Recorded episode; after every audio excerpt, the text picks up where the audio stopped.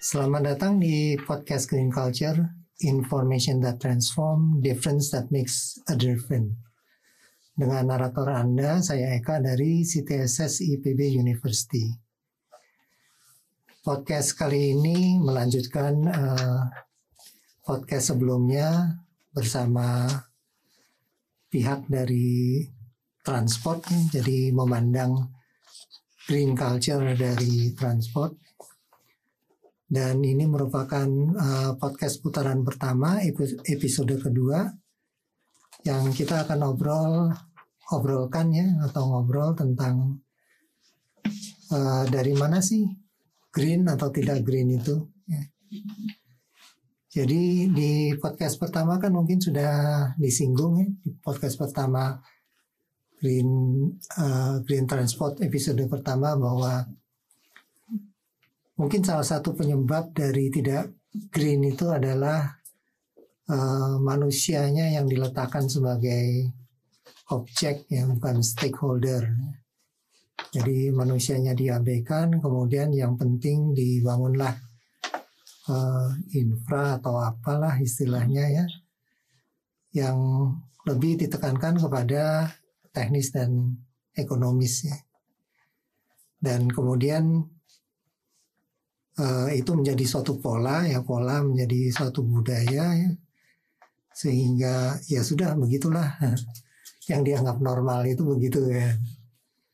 Nah ini mungkin karena kita sudah mengalami banyak krisis mulailah orang berpikir kembali. Dan mungkin berpikir tapi mungkin banyak juga yang masih di tataran oh ya kalau namanya green transport itu ya sesederhana atau semudah, oke lah gantilah uh, moda transport yang dari tidak green menjadi green, maka selesailah permasalahan. Tapi lupa tentang bahwa orang itu kalau sudah punya pola, punya habit itu untuk bergeser ke satu pola ke pola yang lain, itu sulit apalagi kalau tidak ada kemudahan atau merasa tidak diuntungkan. Nah, eh, kali ini kita akan membahas atau ngobrol lebih dalam lagi kira-kira gimana sih sebenarnya ya untuk menghadapi hal ini.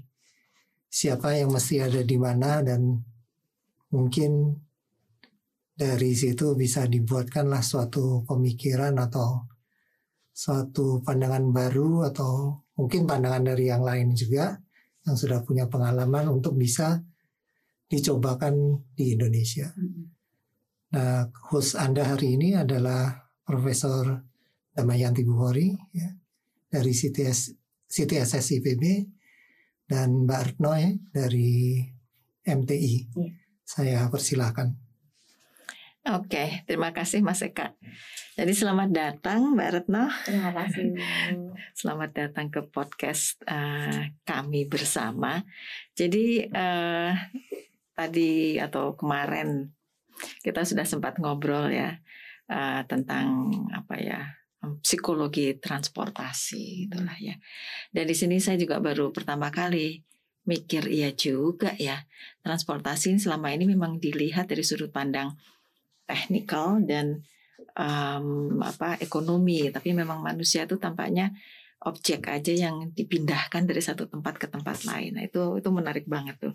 Nah, jadi hari ini kita akan melanjutkan hmm. ngobrol-ngobrol ya tentang green transport. Nah, sebelum itu mau kenalan dulu nih. Jadi kalau boleh biar para pendengar juga kenal ini ya dengan Mbak Retno.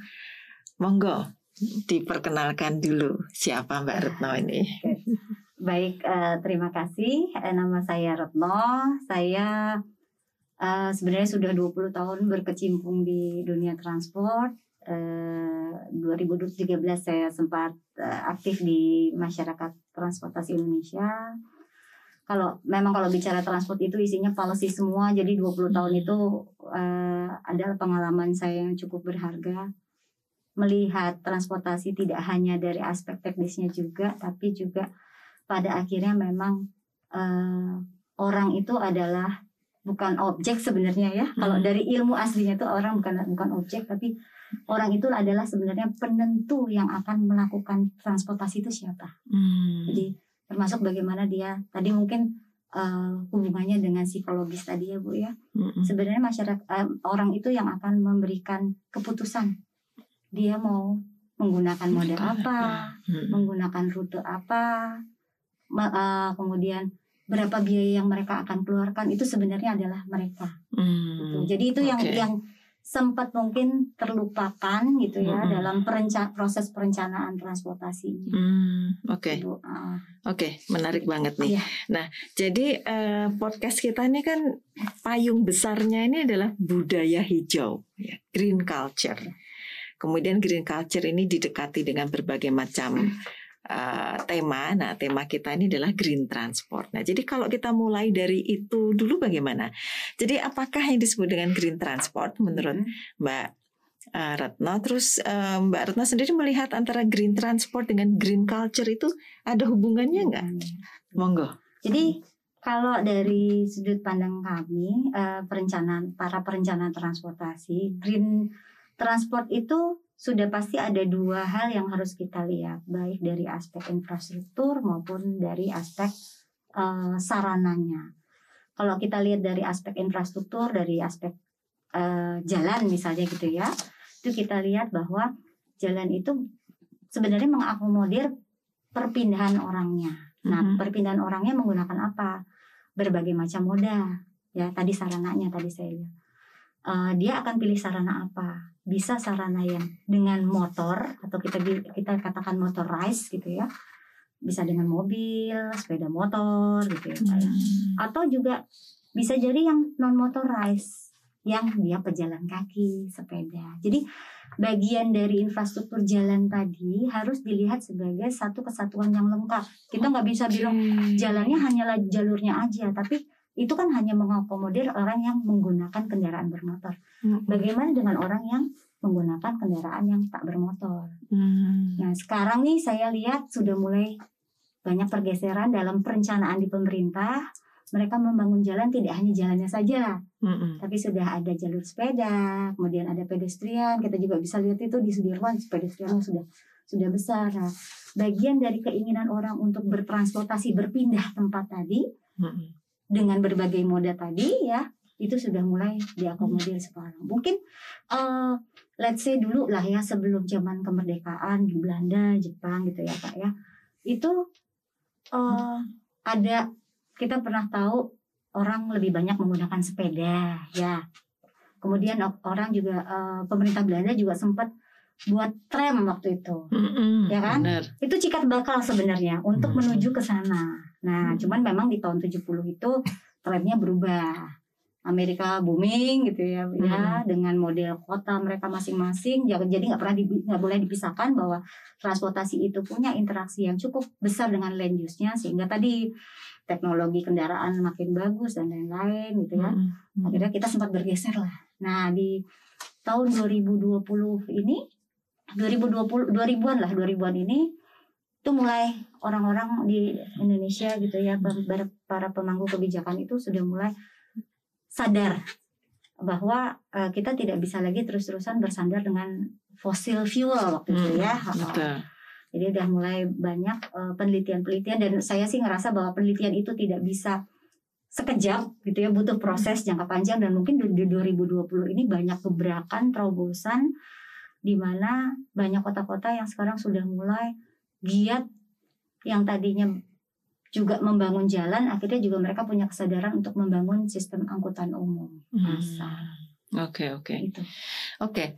Jadi kalau kita eh, mungkin agar para pendengar juga biasanya kalau ada contoh itu mereka bisa lebih paham gitu ya. Kalau kita bicara tentang green transport mungkin kita bisa juga menanyakan oke kalau ada green berarti ada yang not green ya. Jadi Ya. bisa nggak dikasih contoh yang disebut eh, apa ya transportation yang not green itu apa? Brown transport misalnya itu apa Oke, sih? kalau eh, mungkin contoh yang sekarang eh, lagi happening nih, dulu dulu uh, contoh dari moda ya, moda transportasi. Dulu kita tahunya oktan tuh 88 ya Pak ya, ron Hmm. 88. Hmm. Itu kita udah tahu 88 berarti 12% dari kemampuan eh 88% kemampuan dari fosil fuel itu 12% sisanya itu residu. Itu yang di- lepaskan oleh kendaraan kita dalam bentuk polusi polusi itu bisa jadi CO2, CO ya, NOx, partikulat dan semuanya ini sebenarnya punya efek ke lingkungan. Ya, kita bicaranya pemanasan global, Hmm. kemudian peningkatan greenhouse gas Greenhouse effect. gas. Betul. Hmm. Jadi kalau green itu kaitannya memang ke lingkungan tapi dari eh, aktivitas transportasi yang dilakukan. Nah, makin green tanda kutip dari dari konteks teknologi bahan bakar sekarang sudah ada pertalite ya kan premium yang eh, RON 88 sudah mulai hilang ditinggalkan kemudian Hmm. perlahan-lahan mulai pertalite RON 90 92 sampai 98 itu dari teknologi bahan bakar bahkan kalau di angkutan umum sendiri kemarin kita di Transjakarta juga sempat memperkenalkan gas ya Bu ya Mm-mm. Nah, gas itu bisa zero hampir zero CO-nya Wow. Nah, terus eh, ada juga kalau di contoh itu ba- di RT di Karachi itu mereka menggunakan biometan.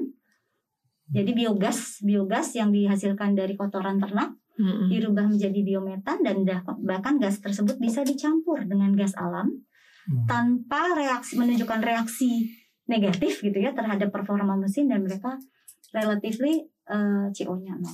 Oke. Jadi ini lebih dilihat dalam aspek emisi begitu-begitu ya. Tapi. Heeh. tapi proses itu sendiri, I mean mungkin saya karena tadi dibicarakan ada infrastruktur dan ada modanya gitu. Mm-mm. Jadi ketika mobil itu dibuat atau motor itu dibuat, itu sebetulnya masih masuk ke dalam uh, concernnya green transportation nggak ya? Karena untuk menghasilkan mobil itu kan perlu metalnya, perlu ini, itu kan juga uh, apa eksploitatif terhadap alam, kemudian juga menghasilkan emisi karbon dalam proses pembuatan mobilnya itu sendiri. Itu Betul. sebenarnya masuk nggak ke Betul. dalam? Masuk, masuk, Bu. Jadi ya. eh, oleh karena itu kita tidak mungkin eh, bicara green transport hanya bicara dari konteks untuk eh, moda dalam arti moda tadi ya, Mm-mm. mobil, ibu bandel dan lain-lain. Hmm. Makanya ada kebijakan yang juga harus berdampingan berjalan. Kita membuat angkutan umum, Hmm. gitu. Jadi sebenarnya transport itu harus adil, adil Hmm. ke seluruh pihak. Oke. baik kaya miskin, mereka memang melakukan transportasi itu untuk memenuhi kebutuhan hidupnya dia. Nah, tapi seluruh orang kebutuhan itu harus diakomodir. Nah, bagaimana caranya? Kita memang harus harus balance, Bu. Kalau kita eh, perencanaan transportasi itu selalu lihat aspek equilibrium, artinya kanan dan kiri itu harus Oke. seimbang. Ini menarik banget nih, saya baru denger nih. Transport itu ada aspek adilnya, jadi ada justice di sini ya. Ada. Oke, is this Ada. something new atau Oh, tidak? Nah, kemudian Indonesia sendiri bagaimana? Nah, untuk sebenarnya sebenarnya kalau dari keilmuan transportnya sendiri, equity kita bilangnya Oh, ya. equity. Equity. Oke. Jadi, Equity itu uh, ada adalah keharusan. Oke. Tadi karena memang orang itu bergerak, berpindah tempat untuk memenuhi kehidupan kehidupan apa kebutuhan hidup, artinya Hmm. semuanya harus bisa kita akomodir. Nah, paling mudah memang dengan angkutan umum. Artinya dia punya kapasitas besar, memindahkan orang dengan jumlah yang besar ya, tapi dengan emisi yang lebih rendah dibanding dia pakai mobil sendiri-sendiri ya Bu ya. Mm-mm. Dengan satu mobil yang harusnya isinya empat, misalnya ternyata cuma diisi satu, gitu kan. Mm-mm. Nah itu itu konsep yang memang eh, saya rasa ilmu ini tuh berkembang sekitar tahun 60-an. Oh, udah lama. Ah, ya sebenarnya udah lama tapi relatif baru. Masuknya Indonesia ya. ya, ya kebijakan-kebijakan angkutan umum memang di, di di kita itu relatif relatif baru. Mungkin Mm-mm. kalau kita lihat di luar di di Eropa Eropa di Eropa yang memang memang bentuk struktur kotanya sudah bagus ya Bu. Dia Mm-mm. dance di tengah, kemudian orang di- dikumpulin di satu tempat, dia bisa apa eh, berpindah tempat dengan mudah gitu ya menggunakan angkutan umum. Nah di di di Indonesia memang relatif berbeda gitu ya Hmm. strukturnya, tapi bukan berarti tidak pemerintah tidak bisa menyiapkan. Itu Mm-mm. itu jadi kewajibannya pemerintah sebenarnya untuk menyiapkan dan harusnya kalau itu jadi kewajiban pemerintah, di pemerintah bisa mengajak masyarakat, ayo kita bareng-bareng bisa Mm-mm. menggunakan angkutan umum gitu. Mm-mm. Oke, nah jadi kalau kita bicara eh, lagi-lagi payungnya ini ya, Mm-mm. green culture dan sebagainya itu kan ujung-ujungnya tuh sebetulnya kita menuju kepada sustainability. Betul. Ya. Betul. Nah, mungkin Mbak Retno bisa menjelaskan itu in terms of that sustainability transportation or Ya. Ya, em, Indonesia sekarang ada di mana, terus Ya. harus menuju ke mana gitu? Ya. Jadi Kira-kira. Eh, mungkin memang kalau di Eropa itu eh, 20 tahunnya lalu mereka sudah mengembangkan yang namanya Sustainable Urban Mobility Plan. Jadi di dalam SUMP itu sebenarnya seluruh rencana pemerintah pemerintah kota waktu itu ya pemerintah kota itu eh, dalam konteks transportasi memang harus sustainable. Kalau kita ngomong sustainable berarti juga harus green. Green itu secara environmental harus eh, memenuhi persyaratan. Nah, eh, sistem tersebut nih sebenarnya baru-baru saja diadopsi oleh pemerintah Indonesia. Jadi eh, kaitannya bahwa ada kewajiban untuk melakukan pengurangan emisi karbon sebenarnya di seluruh dunia. Nah, mengurangi emisi karbon itu tentunya pasti membutuhkan biaya yang tidak sedikit dan kerjasama antar negara yang juga sangat kuat. Nah, oleh karena itu eh, berpatokan dari SUMP yang sudah dilakukan oleh negara-negara di Eropa, mungkin eh, sedikit info di Indonesia sekarang yang sudah punya itu Bandung Raya sudah punya, kemudian nanti akan disusul di beberapa eh, kota. Jadi sifatnya adalah kota ag- aglomerasi. Gitu. Aglomerasi. Aglomerasi. Jadi Oke. kayak eh, Bandung Raya itu tidak berdiri sendiri, di situ ada Cimahi, Ah, kemudian ada Bandung Selatan gitu ya. Kemudian oke. ada Kedung Sepur itu Semarang yang disan disangga oleh Kendal, eh, Purwodadi dan Ungaran.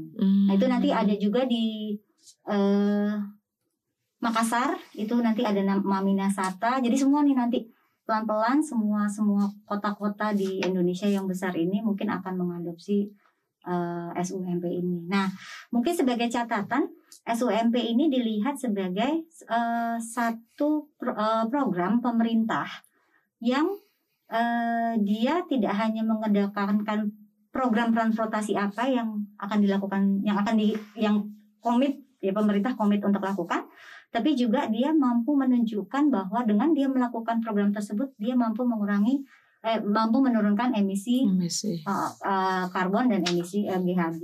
Mm-mm. Jadi eh, komponen apa perubahan iklimnya kuat ya. Betul, Harus. betul, betul. Ada target nggak dari sektor ini harus berapa? Sebenarnya Indonesia sendiri kan udah punya target-target. Nah, eh, Kementerian apa nih? Kalau transportasi itu apa? Perhubungan ya. Perhubungan, iya. Perhubungan itu kena berapa persen harus menurunkan?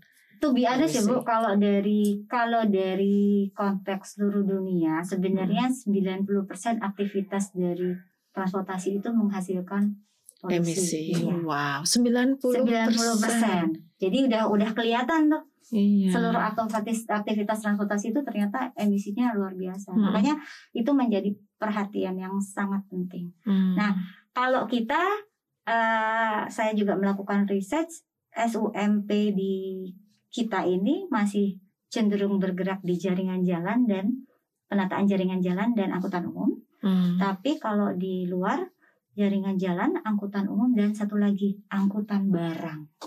Angkutan barang. Iya. Kenapa kok harus Jadi lo sendiri? Angkutan barang di Indonesia juga, tapi mereka sekarang karena angkutan jalan dan angkutan eh, umumnya sudah relatif mature ya. Mm-mm. Jadi mereka sekarang bergerak lagi. Kalau dia mau mengurangi emisi lagi, dari apa nih? Oh ternyata angkutan barang mereka. Mm-mm. Logistik gitu-gitu ya. Persis ibu. Jadi sep- seperti yang sekarang tadi terjadi bu, mungkin dengan adanya pandemi volume perjalanan turun. Mm-mm. Setuju ya pak ya? Tapi bapak lihat, semua digantikan dengan perpindahan barangnya.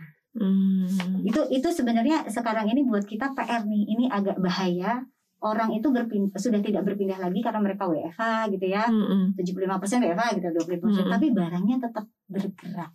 Mm. Nah ini punya potensi kalau referensi di luar itu 30% angkutan logistik itu menghasilkan emisi Oke. gitu. Terus cara menurunkannya gimana? Kalau logistik susah deh. Kalau orang bisa WFH, tapi barang kan perlu diperlukan Betul, orang ya. betul. Makanya kalau di angkutan barang itu mereka mengangkut barang itu ada ada ada mekanisme trunk and feeder, ada hub and spoke gitu ya. Waduh. Jadi ini teknis banget, teknis banget.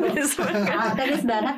Tapi sebenarnya gini, eh, angkutan barang eh, kecil-kecil seperti yang sekarang kita praktekkan ini, ini justru adalah andil yang terbesar untuk menghasilkan polusi udara. Oh no. Jadi Hati-hati maksudnya loh. Makanya belum Hati-hati loh.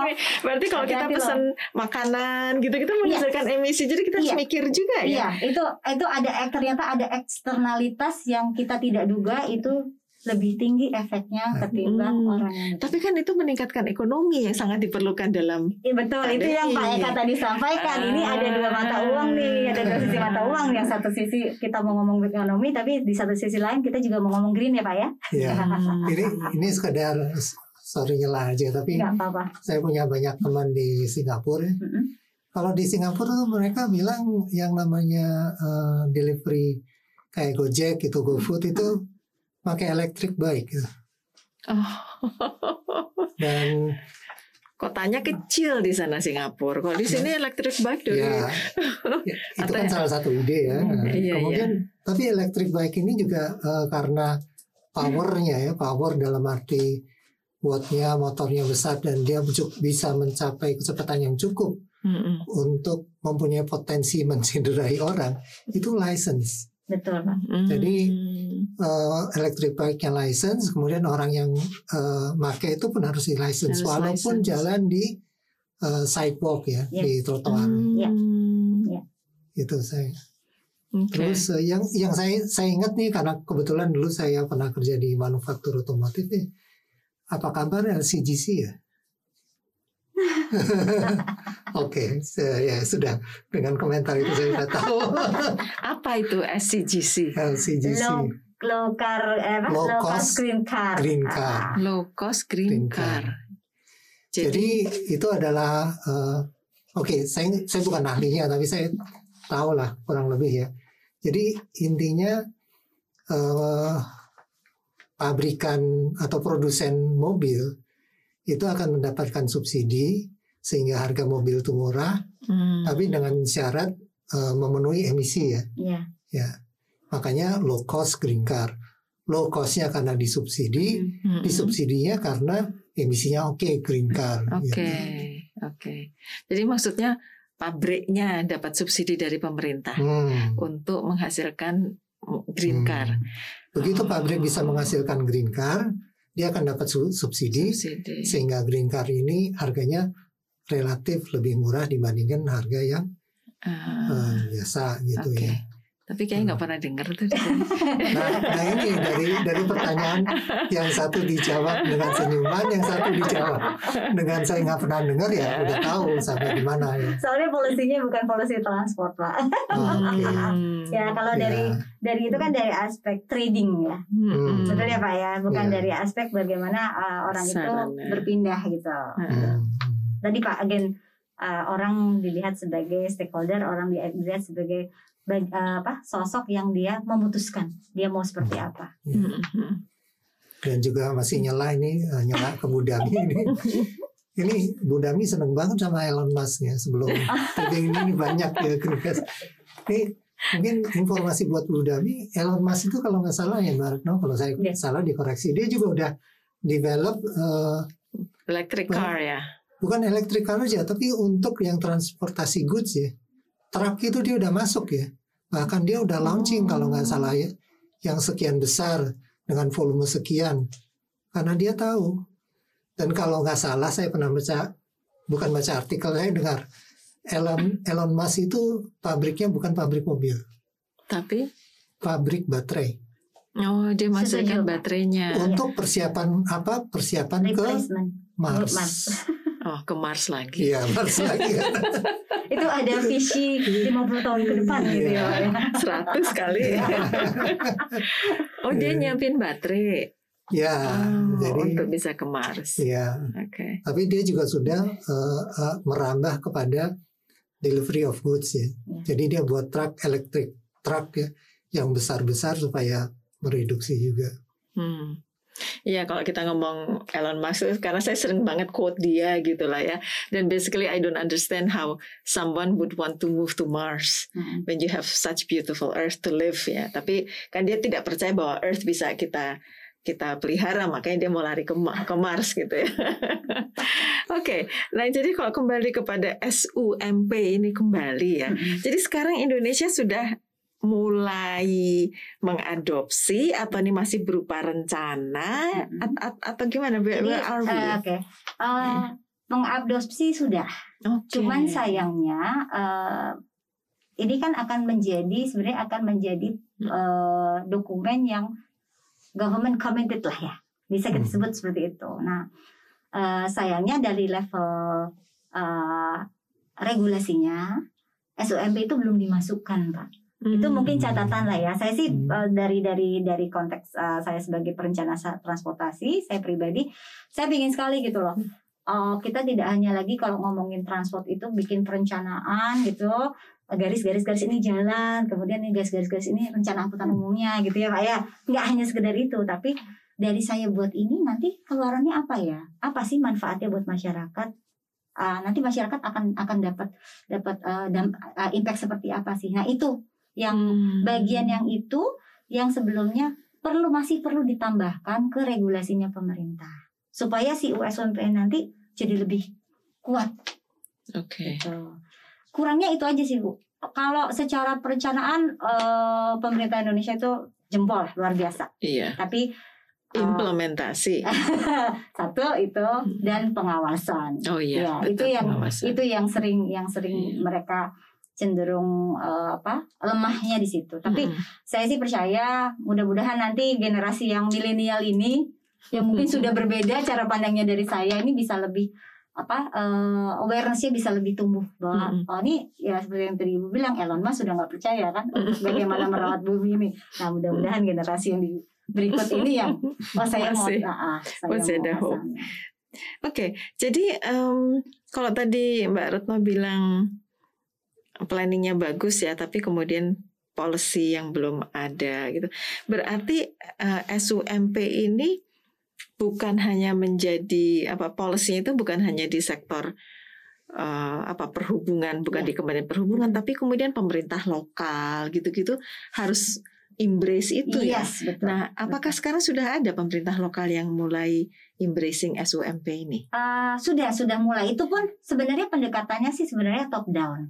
Oh, Jadi karena si pemerintah pusatnya sudah mulai aware untuk melakukan eh, tadi ke arah green transport tadi. Mm-mm. Nah, di apa mereka menstimul memberikan stimulus kepada pemerintah kota yang mau mau menjalankan itu, oh, itu bagus. gitu. Heeh. Jadi salah satu contoh mungkin kalau di Jawa Tengah itu sekarang ada Perpres 79 jadi pemerintah pusat itu memberikan semacam eh saya nggak bisa bilang subsidi sih tapi eh, Eh, jalur pembiayaan gitu ya untuk Mm-mm. mempermudah si kota-kota itu untuk lebih aware soal lingkungan dalam konteks Hmm. pembangunan di sektor transportasi.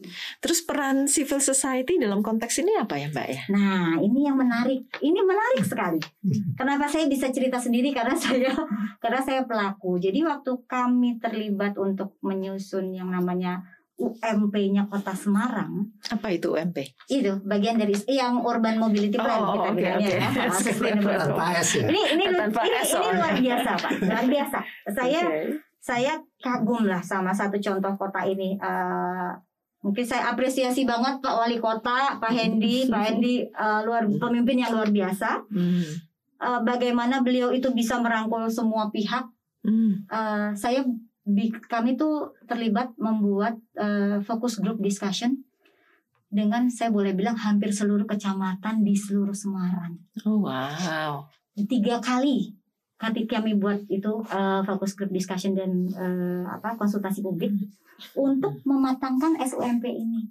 Jadi SUMP ini ternyata bikinnya nggak nggak kerja sendiri si pemerintah. Hmm. Pemerintah bikin, oh iya deh segini ya, oke setuju setuju nggak. Hmm. Jadi ada proses diskusi sampai dengan tiga kali supaya SUMP ini uh, dimiliki oleh seluruh lapisan Masyarakat. masyarakat. di Kota Semarang. Itu saya apresiasi luar biasa untuk pemerintah Kota Semarang, untuk masyarakat Kota Semarangnya juga bahwa Hmm. ternyata mereka tadi Bu yang terjadi tadi mereka adalah setungguhnya stakeholder. Stakeholder. Oke. Kalau gitu kita sudah punya contoh yang baik ya Sudah, untuk Sudah. Indonesia, sudah, Semarang itu. sudah. Saya dari Semarang loh, Mbak. Saya- Ibu bangga Bu. Ibu bangga. Boleh bangga Bu, betul. Iya, iya. Betul. cerita SOMP di Semarang ini sebenarnya sudah menyentuh tentang transdisiplin ya. Kalau semua Ah. dilibatkan. Ya, Jadi bukan bukan sekedar eh, output dari proses yang diperhatikan, yang menjadi matriks dan semua dijalankan secara mekanikal, Ya. tapi prosesnya pun tuh diperhatikan sehingga outputnya itu mempunyai makna terhadap si pelaku yang di dalam itu. Hmm. dan dia merasa bahwa output itu bukanlah sekedar mechanical things, Yes. tapi sesuatu yang bisa memberikan out, outcome dan impact Yes. Yang bagus gitu. Oke, jadi co-creationnya sudah terjadi Sudah. dengan Nah, pelibatan iya. itu. Ini harus kita pelajari Oh. malahan. Itu menarik banget. Bu. Tahun lalu kami baru uh, baru selesai. Jadi um, apa namanya? Satu contoh yang menurut kami sangat sukses ya. Mm-mm. Uh, tapi tadi juga bahwa itu juga bisa terlaksana karena baik pemerintah maupun uh, masyarakat itu mereka saling terlibat. berkolaborasi. Wow. Jadi sosialisasi informasi yang masyarakat terima itu juga dari hulu ke hilir itu jadi satu suara. Hmm. Hmm. Udah ada yang melakukan studi belum ya, Cia? Akhirnya, hmm, Mungkin perlu dilanjutkan ke dilanjutkan ke kota-kota yang lain, Bu. Itu bisa jadi Iya, presiden. iya. Nah, jadi para bagi para pendengar kalau ada yang mau meneliti tentang transdisiplin yang sudah dilaksanakan, rupanya di Semarang Monggo, dengan ini monggo, Iya. silakan. cocok sekali. Iya. Hmm. Jadi kita tidak hanya lagi bicara soal teknis dulu ya Pak, satu Iya, tambah iya. satu dua gitu enggak. Betul. Kita benar-benar dealing with people gitu ya. Uh, kita merasa punya connectedness dengan mereka That's the word, connectedness. Hmm. gitu ya Bu ya. Jadi apa yang kita sampaikan mereka itu adalah menjadi bagian dari miliknya mereka, mereka yang mendapatkan impactnya tadi, yang merasakan, kemudian ya mereka nanti berkontribusi kembali buat masyarakat, eh, buat kota Semarang. Mm, mm, mm. Itu contoh sih, Iya. contoh sukses. Eh, dan itu bisa terjadi karena leadership yang ada di Salah pemerintah situ ya. Oke. Ya semoga bisa dilanjutkan dengan kota-kota lain ya Mbak ya. Semoga, semoga. Ya, Hmm. jadi cerita suksesnya Semarang punya UMP itu bisa diikuti dengan dikopi dan diikuti ya Hmm, dengan di jadi kota-kota model. yang jadi Hmm. model. Ini tadi kan kita ngobrolnya tentang what is not green gitu Iya. ya, apa yang tidak hijau. Tapi kemudian di- dijawab dengan inilah yang model hijau itu seperti Iya, ini ya. iya. Ya biasa, ternyata polanya seperti itu. Begitu ditanya kenapa tidak green, dijawabnya yang green itu seperti, Seperti ini. ini. Karena itu lebih mudah ya. Ya, ya nggak apa-apa Nggak sih. apa-apa. Nggak ngaruh gitu. Kan kita bicaranya apa yang bisa kita lakukan Hmm. selanjutnya ke depan. Iya. gitu. Oke, oke. Mungkin eh, sebelum oke kita dah waktunya dah agak eh, mendekati akhir. Sebelum berakhir, saya mungkin mau nanya sama Mbak Retno satu hal lagi. Ada nggak kira-kira sebuah apa ya pesan atau sebuah a dying wish gitu dari dari Mbak Retno yang bisa disampaikan kepada pendengar yang menurut Mbak Retno tuh penting banget harus bisa dilaksanakan kalau memang kita mau mencapai sustainable transportation itu yang penting yang memang tampaknya apa belum dilaksanakan ataupun kalau sudah gitu tapi harus diketahui oleh semua orang Eh, sebenarnya lebih ke karena transportasi ini bisa berhasil menurut saya ya programnya. Program sudah bagus, tapi bisa berhasil kalau memang seluruh pihak itu punya kontribusi dan Hmm. kontribusinya sama.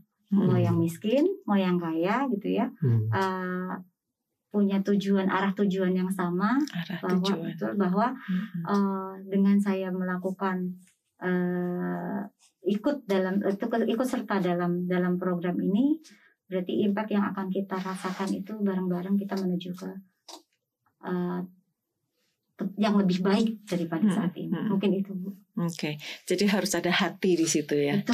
betul Ternyata ujung-ujungnya hati.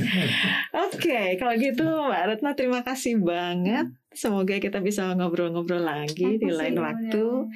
Mas Eka, mungkin untuk saat ini kita sudah silahkan saya kembalikan. Oke, okay, terima kasih Mbak Rutno, ya. Banyak sekali yang dipelajari sesuai dengan tagline kita. Information that transform, difference that makes a difference. Yes. Semoga apa yang sudah berhasil di satu tempat bisa ya. diperluas ke tempat lain. Ya. Tentunya juga dengan mempertimbangkan uh, budaya setempat ya. Setuju. Tidak mungkin one size fit all kan ya. ya. Oke, okay, terima kasih para pendengar untuk podcast kali ini kita sudahi dan akan berjumpa di podcast berikutnya.